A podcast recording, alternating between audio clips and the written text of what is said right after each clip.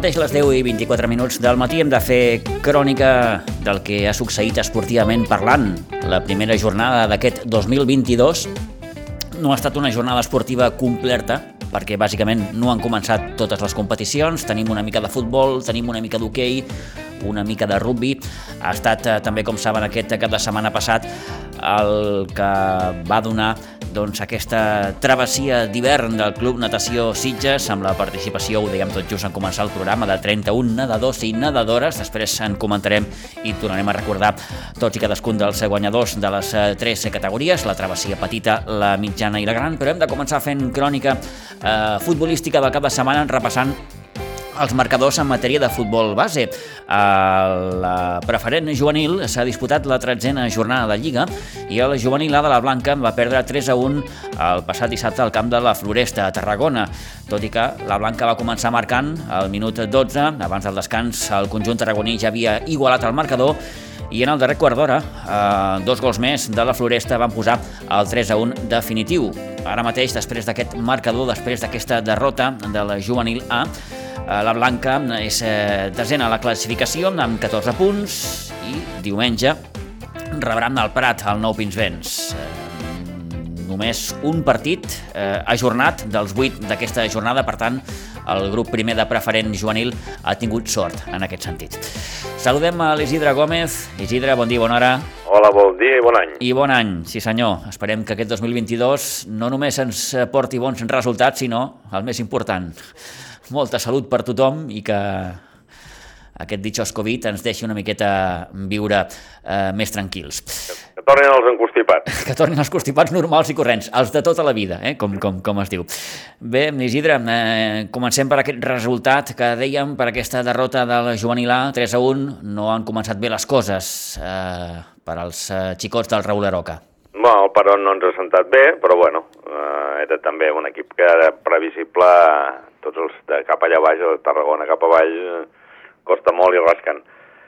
Eh, era previsible per la situació també de la Floresta, que està més amunt que nosaltres, i bueno, eh, vam començar bé, però el que t'ho has dit al final, pues, vam perdre la fuella i, i vam sortir amb el, amb el 3 a 1. De fet, va ser en l'últim quart d'hora quan la Floresta va aconseguir els dos gols que li van acabar donant aquest triomf. Eh, dèiem que la Blanca es troba en una situació, vaja, mm, no diré més que còmoda, però una situació molt millor de la que es trobava tot just quan va començar amb el campionat, en aquesta posició mitja baixeta eh, a la classificació, amb aquests 14 punts. Diumenge ve el Prat, en fi, eh, esperem que aquest 2022 també eh, li pugui suposar a la Blanca una miqueta la consolidació en aquesta categoria de preferent.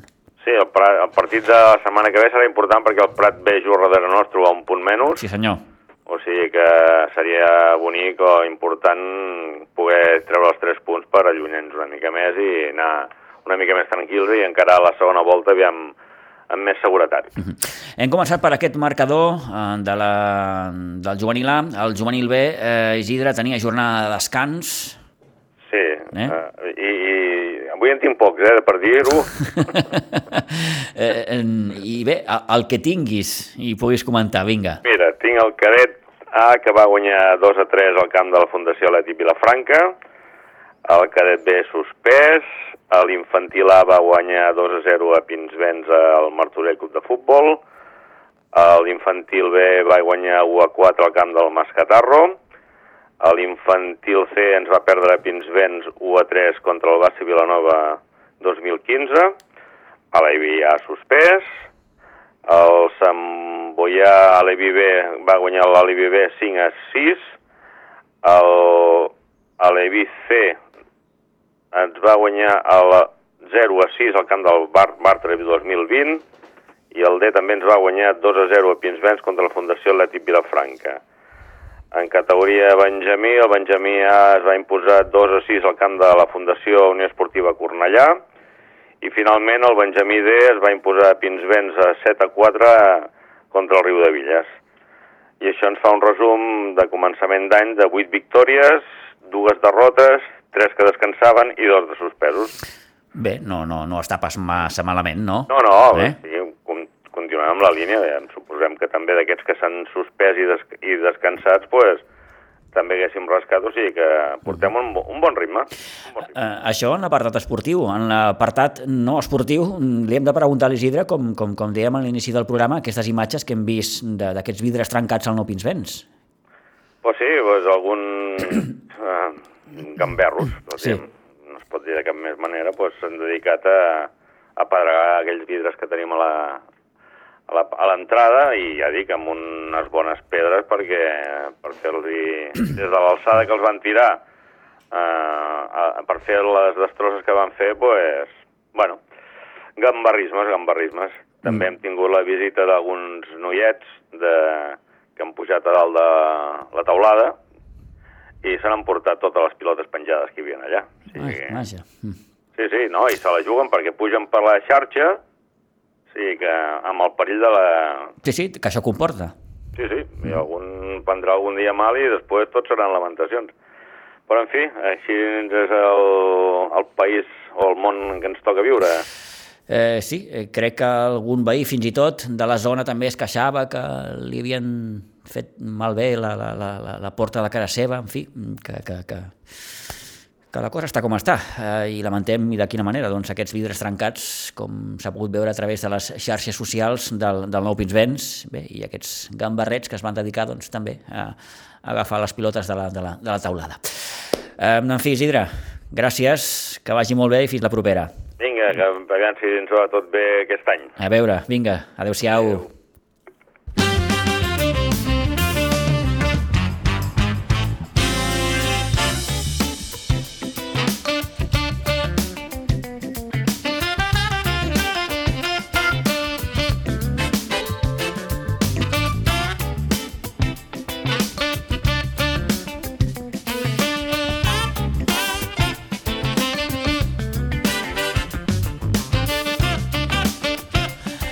Doncs hem començat repassant aquests marcadors eh, que ens ha deixat la jornada futbolística en matèria de futbol base. Aquesta informació que també ens apuntava l'Isidre, aquests vidres trencats al camp del Nou Pinsbens, aquestes eh, pilotes que van pispar, aquests gambarrets, en fi, aquelles coses que, que, que passen. Eh, analitzem també en aquesta jornada futbolística a segona catalana, la Unió Esportiva Sitges va guanyar ahir 5 a 1 a la Fundació Atlètic Vilafranca. Si donem un cop d'ull al que ha estat la jornada en general, doncs, eh, vaja, només parlem de dos partits ajornats per a la qüestió del Covid, que van ser l'Olivella Cubelles i també el Prat B Sporting Gavà. La resta doncs, ens van deixar marcadors com el 1 a 2 del Sant Mauro al camp del Moja, la victòria en 2 a 3 del Sant Quirze al camp de l'Òdena, la victòria també a domicili del Sant Andreu de la Barca al camp del Montserrat Igualada, el Marianao, que va caure en la seva visita al Prat, al camp del Terrenca barcelonista per 3 a 1, i com dèiem, aquest 5 a 1 de la Unió Esportiva Sitges ahir al migdia al municipal d'Aiguadols davant la Fundació Aleti Vilafranca. No sé si estem parlant d'un dels millors partits de la temporada. Mm, Mira, li puc preguntar amb el Toni. Toni, bon dia. Bon dia, Pitu. Què tal? Molt bé, molt bé, aquí escoltant-te, eh? Sí, sí, per mi va ser un dels millors partits de la temporada, perquè van jugar dos equips eh, que van jugar molt, que li donen molt bon tracte a la pilota, sobretot a la Fundació Atlètic Vilafranca. Doncs és un equip molt jove, que toca molt bé, que profunditza molt bé. Potser li falta eh, doncs, més efectivitat de cara a barraca, però és un molt bon equip. I un Sitges que està demostrant que és el millor equip d'aquest campionat. Eh? De moment és el millor equip, eh, amb un lloc diferent amb la Fundació Atlètic Vilafranca, però també amb molt de toc, no? Un Sitges que busca molt bé les bandes, un Sitges que treballa molt bé el mig del camp, la sortida de pilota del rival i un Sitges molt efectiu. Eh, jo ahir t'ho deia, em sembla, Toni, a Iguadols eh, veig un Sitges sense pràcticament fissures, ara mateix. Ara mateix és un equip molt complet i, i, i jo me quedo amb una cosa, quan uh, la Luri fa canvis, doncs uh, l'equip no ho nota i això és molt important. De moment no ho nota, això és importantíssim perquè doncs, quan realment hi ha jugadors que ja necessiten eh, doncs, que el canvi perquè estan eh, agotats, perquè estan més treballats i això, doncs, els que surten en aquell moment, doncs uh, no nota res. Eh, segueix el mateix ritme i li donen aquella aquella velocitat que potser eh, l'ha faltat al company que és canviat, no? Perquè, perquè, perquè està cansat, i, però vull dir que això és molt important i de moment jo penso que eh, aquest Sitges per mi més que eh, és un bloc, és un equip que juga molt en equip i això per mi és la clau. Uh -huh. Un Sitges que ja manava al, al, al descans per 2 a 0, el, el primer gol el marcava Víctor Morillas la sortida d'un córner amb una bona rematada de cap entrant al primer pal i el 41, una pilota llarga per Carlitos, el mateix Carlitos veu el porter avançat i li pica per sobre, un gran gol de Carlos Enanejos per posar amb aquest 2 a 0 a la fi dels primers 45 minuts i a la segona meitat, Toni, tot i que l'Aleti Vilafranca va tenir pràcticament dues eh, accions de perill consecutives, mm, el Sitges va fer el tercer de penal que transformava Geri, un penal sobre Carlos, i gairebé que 3-0 ja finiquitava el maig. Sí, bé, segona part que el Sitges va ser més superior a la Fundació Atlètic Vilafranca. A mi me va agradar molt més en la segona part del Sitges. Eh, amb aquest 3-0 pràcticament, com tu dius, finiquitava el partit, eh, tot i que Jan Casas, eh, un jugador que ve del Cubelles i que de fet ja fitxava l'any passat per la, la Fundació Atlètic Vilafranca, eh, escurçava diferència, clar, sí que es va mostrar molt superior i va acabar guanyant amb un gol d'Àlex de, de, del Sacris eh, i de Carlos Enarejo, sí, sí. un Carlos Enarejo que està en el millor moment, eh, perquè doncs, eh, és realment primer veure aquest jugador i sobretot el segon gol de Carlos Enarejo, un golarro, un gol d'aquests que lo marca un jugador de primera divisió i dona la volta a, a totes les televisions. Eh? Sense cap mena de dubte. Ara comentem com queda una mica la classificació. Si et sembla, Toni, escoltem el que ens deia l'Uri Sorroche, l'entrenadora dels Sitges, després d'aquesta eh, victòria 5 a 1 eh, davant la Fundació amb l'Atlètic Vilafranca.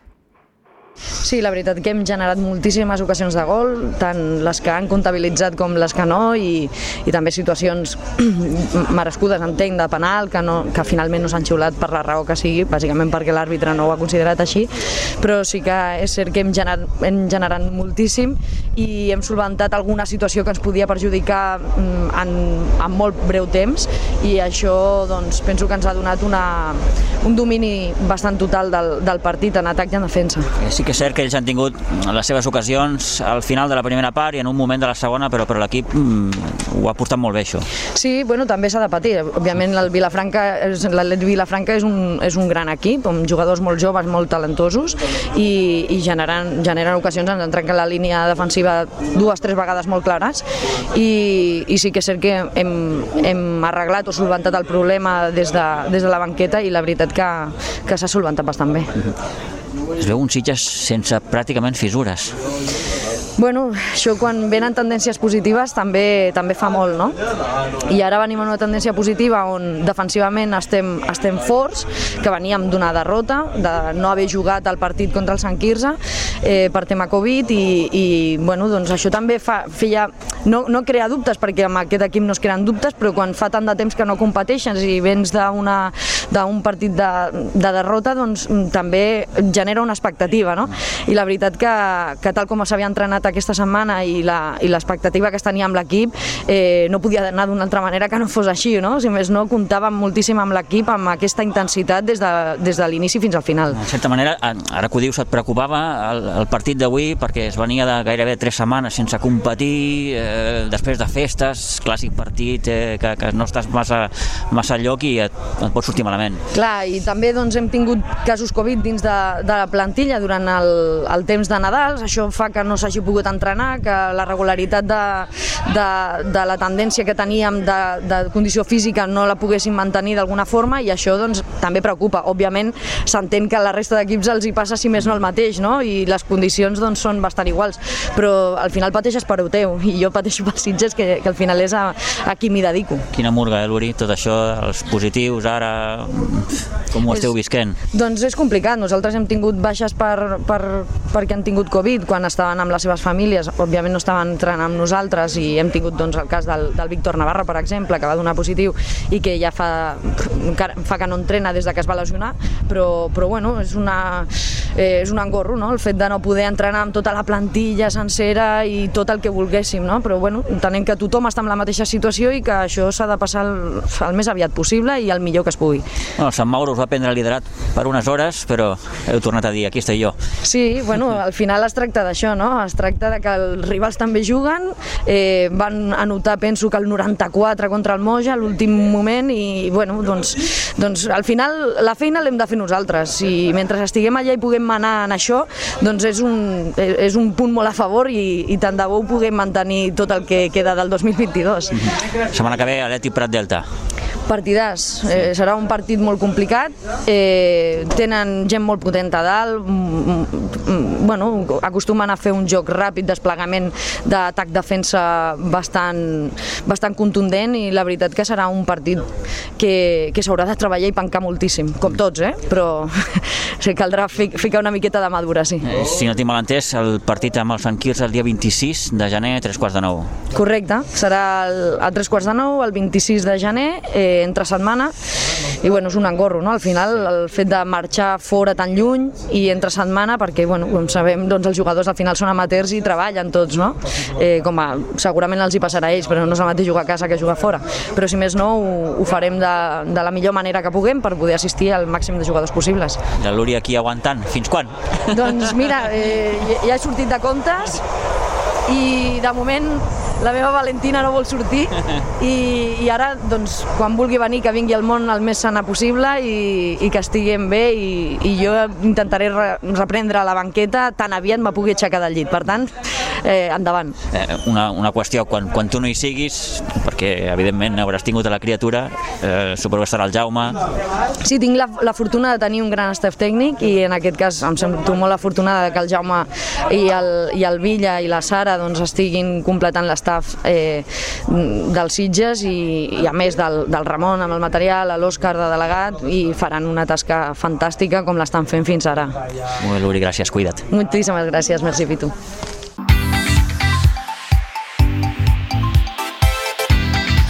Bé, doncs l'Uri Sorroche, que mm, tard o d'hora, més d'hora que tard, doncs eh, serà mare. Està esperant una criatura i, i, i bé, Toni, eh, la situació ara mateix és que, com ens explicava la, la mateixa Luri, el dia 20 surt de comptes, veurem si, si, si podrà estar o no al, al proper partit. Jo crec que sí, però bé, això mai se sap. Sí, això no se sap mai, no? Eh, veurem, veurem, veurem si podrà estar. Home, com ella diu, és un partidàs, eh? és un bon partit perquè és un partit molt complicat. Eh, L'Atlètic Prat Delta al seu camp és un equip que va a totes, eh, molt recolzat per la seva afició, serà un partit difícil. El que passa que eh, veient com està jugant els Sitges i veient la trajectòria que els Sitges porta, sobretot a Can Contrari, perquè de fet els dos partits que ha perdut l'ha perdut a casa, doncs clar, eh, a veure, t'inclines molt per al joc dels Sitges i que els Sitges no, eh, si, si no n'hi ha res eh, estrany, eh, positius, alguna cosa d'aquestes, eh, segur que donarà molt bé la cara i anirà per els tres punts, per la importància que té aquests tres punts, perquè a la propera jornada li toca descansar. Sí senyor, sí senyor. El Sitges que ara mateix és líder de la classificació, 27 punts, seguit del Sant Mauro amb 25. Eh, Toni, a hores d'ara sembla que el Sant Mauro és l'equip que li pot fer ombra. Sí, sí, sí. De fet, eh, aquí posen dos equips, no? Sí. I el Samauro és molt conscient de tot això. El Samauro és, és un equip que sempre ha sigut molt ascensor de segona i primera catalana, no? Eh, I segur que lluitarà fins al darrer instant per estar amb els Sitges o, o en qui sigui, no? Tant de bo sigui el Sitges el primer, no? Eh, però clar, queda molt de campionat. Sí que el Samauro té ara un partit complicat aquesta setmana. De fet, tots els partits són complicats, però rep a l'Olivella, un Olivella necessitat de punts, un, un Olivella que no és mal equip, que té molt bon equip, però que no té sort de cara a, en aquests eh, partits que porta de la primera volta. Tant de bo pugui treure un bon resultat a Sant Mauro eh, i doncs el Sitges pugui fer la seva feina. Eh, una jornada, Toni, que només ens ha deixat dos partits ajornats, precisament el de l'Olivella i el Cubelles. Sí, un Cubelles que, Pitu, que porta tres partits ara, Ara- consecutius sense jugar. Ara eh, t'ho anava a dir, Covid, ara t'ho anava a dir. Sí, sí, sí, la qüestió del Covid està afectant i de quina manera el, el, el conjunt de Xavi Vilagut. I en aquest cas no ha sigut culpa del Covelles, eh, no tenia doncs, cap positiu al Covelles, però sí que tenia positius a l'Olivella, no? Sí. I per això no s'ha pogut jugar aquest partit. Anem a la tercera catalana, Toni, eh, una jornada que no ens ha deixat grans sorpreses. Eh, el Ribas va guanyar 3 a 1 al Riu de Villes, eh, la Penya Jove va fer la feina i va derrotar 3-0 a la Noia, per tant, aquests dos equips que continuen manant a la classificació. A veure, eh, jo mira la classificació i doncs del primer al tercer ja n'hi ha 7 punts de diferència, si no recordo malament, Sí, senyor. i 10 punts amb el, Amb el quart. Amb el quart. Eh, són 10 punts ja, són molts punts, 7 punts amb el segon.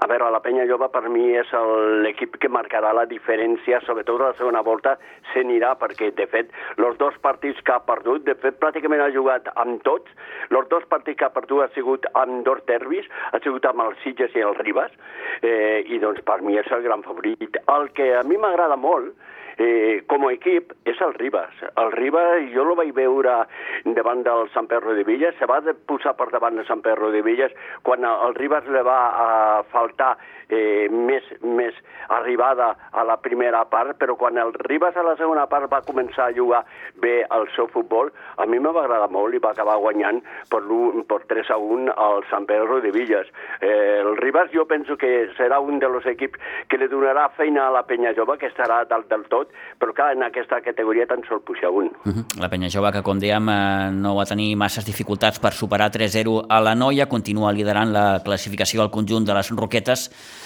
que amb el Ribas doncs, es jugaran aquest, aquest ascens eh, a segona catalana. El Sitges B, recordem, eh, tenia jornada de descans, eh, un Sitges B que ara mateix ha baixat uns quants llocs a la classificació, és vuitè, suma 21 punts. A veure, Toni, si el Sitges B és capaç de trencar aquesta dinàmica negativa que tenia abans de festes.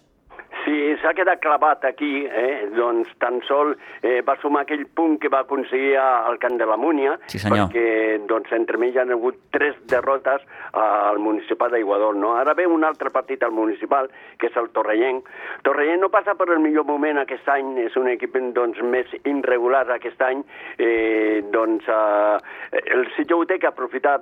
Me dóna respecte al fet de que juga al municipal, eh, en els últims partits l'ha anat la cosa molt malament al municipal als Sitges, però a veure si aquest descans que ha tingut pel parèntesi del Nadal i aquesta setmana de descans l'ha anat bé aquest equip per tornar a recuperar forces i començar a ser l'equip que va començar el campionat, eh? Un torrellenc que precisament va perdre amb ahir 1 a 2 amb l'Atlètic Vilanova.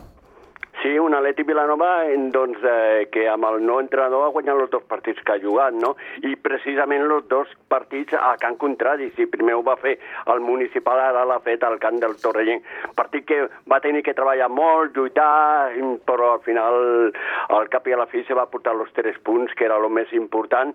Eh, molt bé le- l'està eh, anant a Sigo Bensoa en el seu doncs, eh, debut amb l'Atleti Vilanova perquè els dos partits que ha jugat, els dos partits que ha guanyat. Sí, sí, Cigor Bengoa de moment amb bon peu a la banqueta del conjunt vilanoví, dos partits, eh, dues victòries. Una jornada, la número 14 en aquest grup 12 de tercera catalana que només ens ha deixat un partit ajornat, el, que havia d'enfrontar la Pobla de Claramunt i el Montbui. En aquest sentit, doncs, el grup ha tingut eh, sort eh, en, en, aquesta, en aquesta jornada.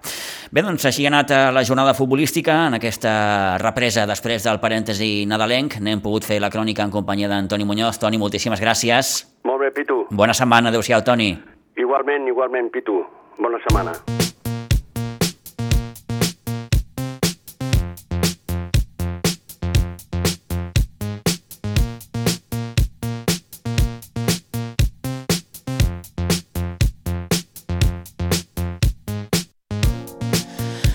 Seguim endavant repassant esportivament parlant el que ens ha deixat aquesta primera jornada del 2022. Eh, parlem de rugby perquè el primer equip del Rugby Club Sitges no va poder disputar amb el seu partit el que l'havia d'enfrontar amb aquest passat dissabte al Gòtics, al polivalent de Pinsbens. Es va haver d'ajornar per la qüestió del, del Covid, eh, tres partits s'han hagut de suspendre a la divisió d'honor B, al grup del Sitges. Eh, tampoc es van poder jugar amb el Sant Cugat Sant Roque i el Buc Poble Nou.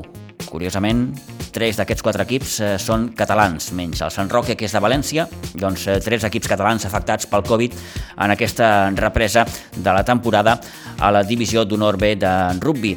Un rugby club Sitges que el proper cap de setmana, concretament diumenge a partir de les 4 de la tarda, jugarà al camp de la Mar Vella contra el Club Natació Poble Nou. Eh, destaquem d'aquesta jornada de rugby la victòria del Sub-16, que es va imposar 12 a 33 al camp de l'Hospitalet.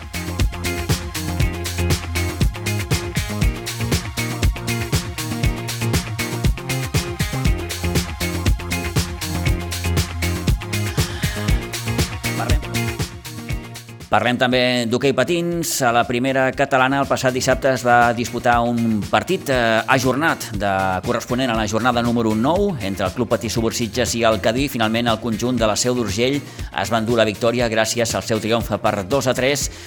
Al minut 8 eh, Pradell avançava el conjunt de la Seu d'Urgell. Isaac Martínez empatava al minut 12. Cerezo de falta directa posava l'1 a 2, el mateix Cerezo també de falta directa anotava l'1 a 3 i Isaac Martínez eh, completava el seu doblet anotant el 2 a 3 definitiu al minut 42. Assenyalar del partit del passat dissabte que Arnau Fontanilles, el segon porter del Club Patí es va disputar els darrers minuts eh, com a porter del conjunt eh, sitgetà. Deixa el club tal com ens en recordava el mateix Jofre Vilà quan va acabar el partit. Amb el tècnic dels Sitges vam parlar. Des de ja fa uns partits que ens està passant i, i la nostra capacitat de joc està per sobre de la capacitat de gols, però els nanos estan treballant molt bé. Jo crec que en algun moment determinat avui se'ns ha destapat l'Isaac, que també em preocupava perquè no... A veure si aconseguim que tots es destapin, acabem recuperant els lesionats, eh, Covid i coses d'aquestes i, i acabem pues, pues, jugant perquè és que des que hem començat la temporada que no hem tingut un, encara una setmana fina.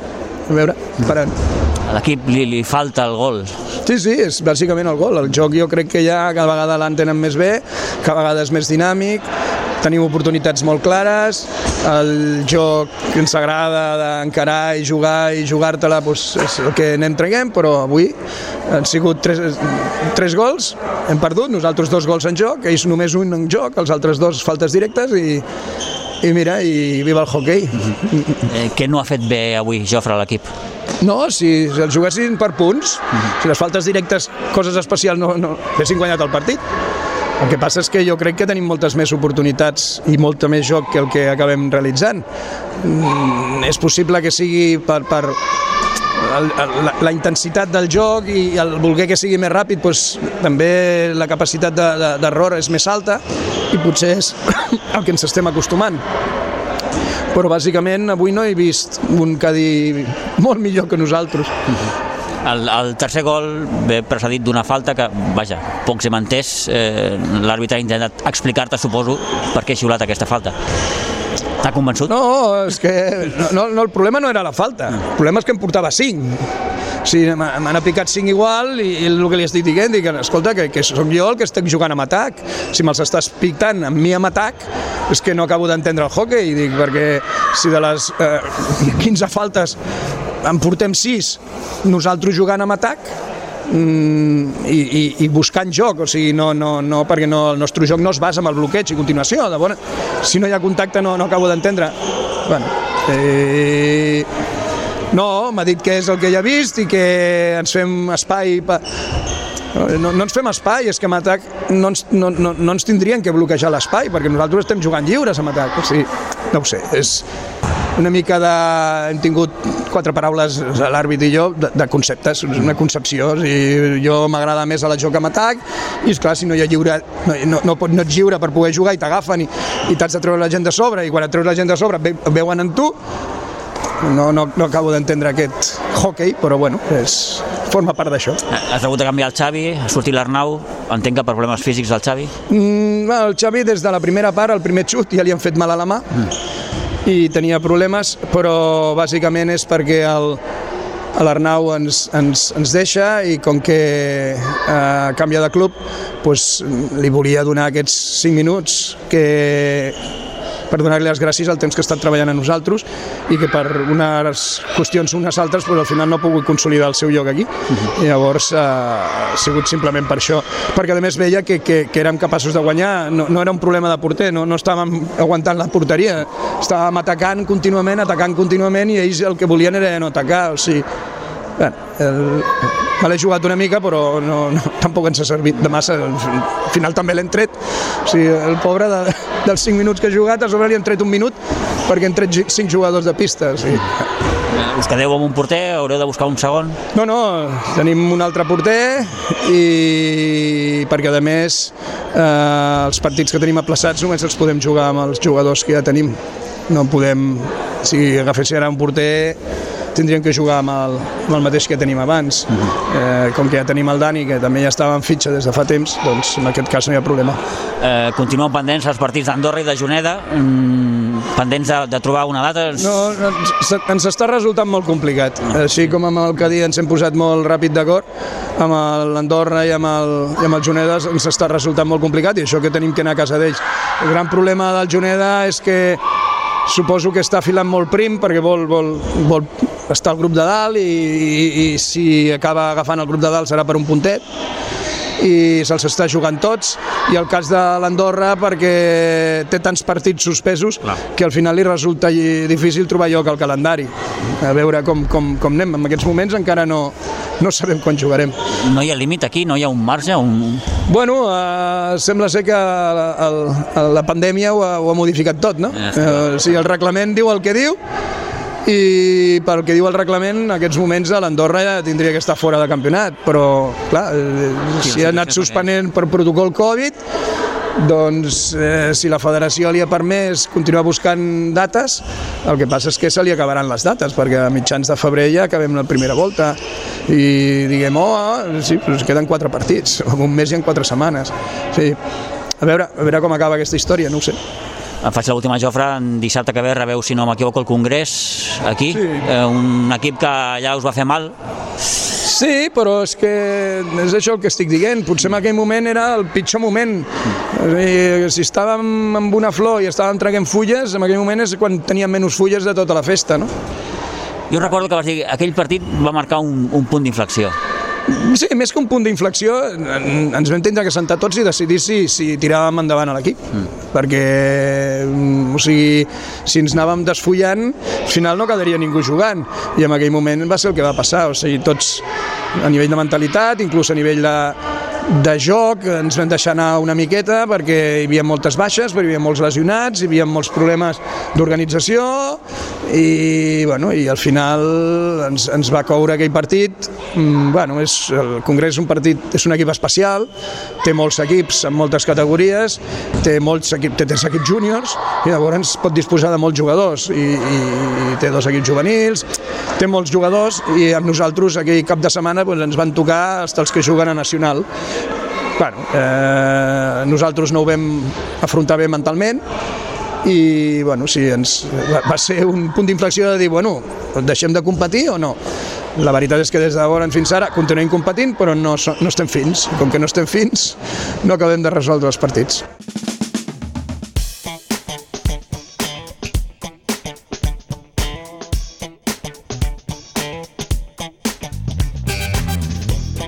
Bé, doncs es continua resistint, per tant, aquesta primera victòria amb el Club Patí Subursitges, que tornarà a jugar amb el proper dissabte, dia 15, partint de dos quarts de set de la tarda contra el Congrés. Un Congrés que, com li recordàvem al Jofre, ja va guanyar el Sitges 8 a 0 a la primera volta, i el passat 7 de gener el conjunt barceloní va jugar contra l'Andorra, un ajornat, un dels molts ajornats, com també recordava el Jofre que té l'Andorra, va guanyar el Congrés 1 a 12 a terres andorranes. Ara mateix el Monjos eh, lidera la classificació amb 22 punts, seguit del Congrés amb 21 i del Cadí amb 19. El Club Patí Subursitges és penúltim amb dos punts, com diguem, encara sense poder eh, guanyar un partit. Un darrer punt eh, esportiu, abans no fem una petita pausa musical per recordar que ahir diumenge es va celebrar la travessia d'hivern del Club Natació Sitges. Ho va fer amb la participació de 31 nedadors i nedadores. En la categoria mm, petita, el guanyador va ser Jan Casalots, a la mitjana Luca Hoek i Carla Tienza i finalment